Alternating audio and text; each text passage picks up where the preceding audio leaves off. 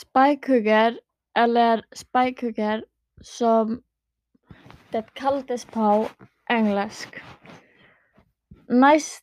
Näshornet är en av de mest utbredda predatorerna på jorden och finns över hela världen.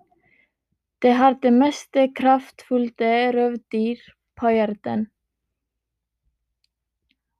och spiser stora pattedyr som säl och sælljón. Det angriper einnig smá hvalir.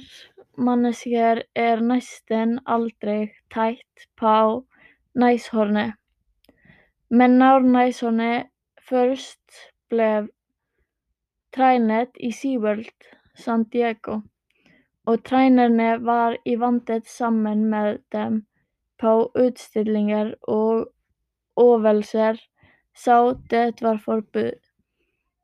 Då en näshorn angrep sin tränare, en annan man. Der berättar i SeaWorld är det en dokumentär om dessa händelser kallad Blackfish. Och det är mycket bemärkelsevärdigt, men SeaWorld var inte tillfreds med detta bild.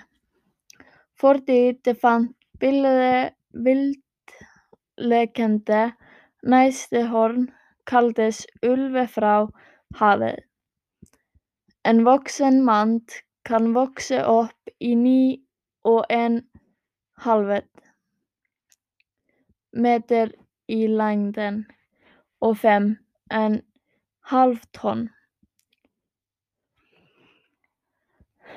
Kvinnor är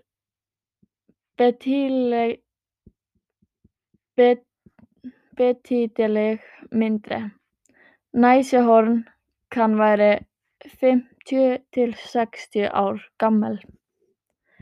Háhyrningur eða killer whale eins og hann heitir á ensku.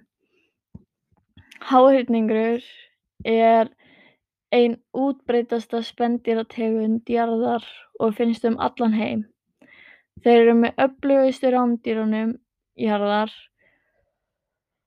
og borða stór spendýr, eins og til dæmis seli og sæljón. Þeir ráðast jafnvel líka á litla hvali.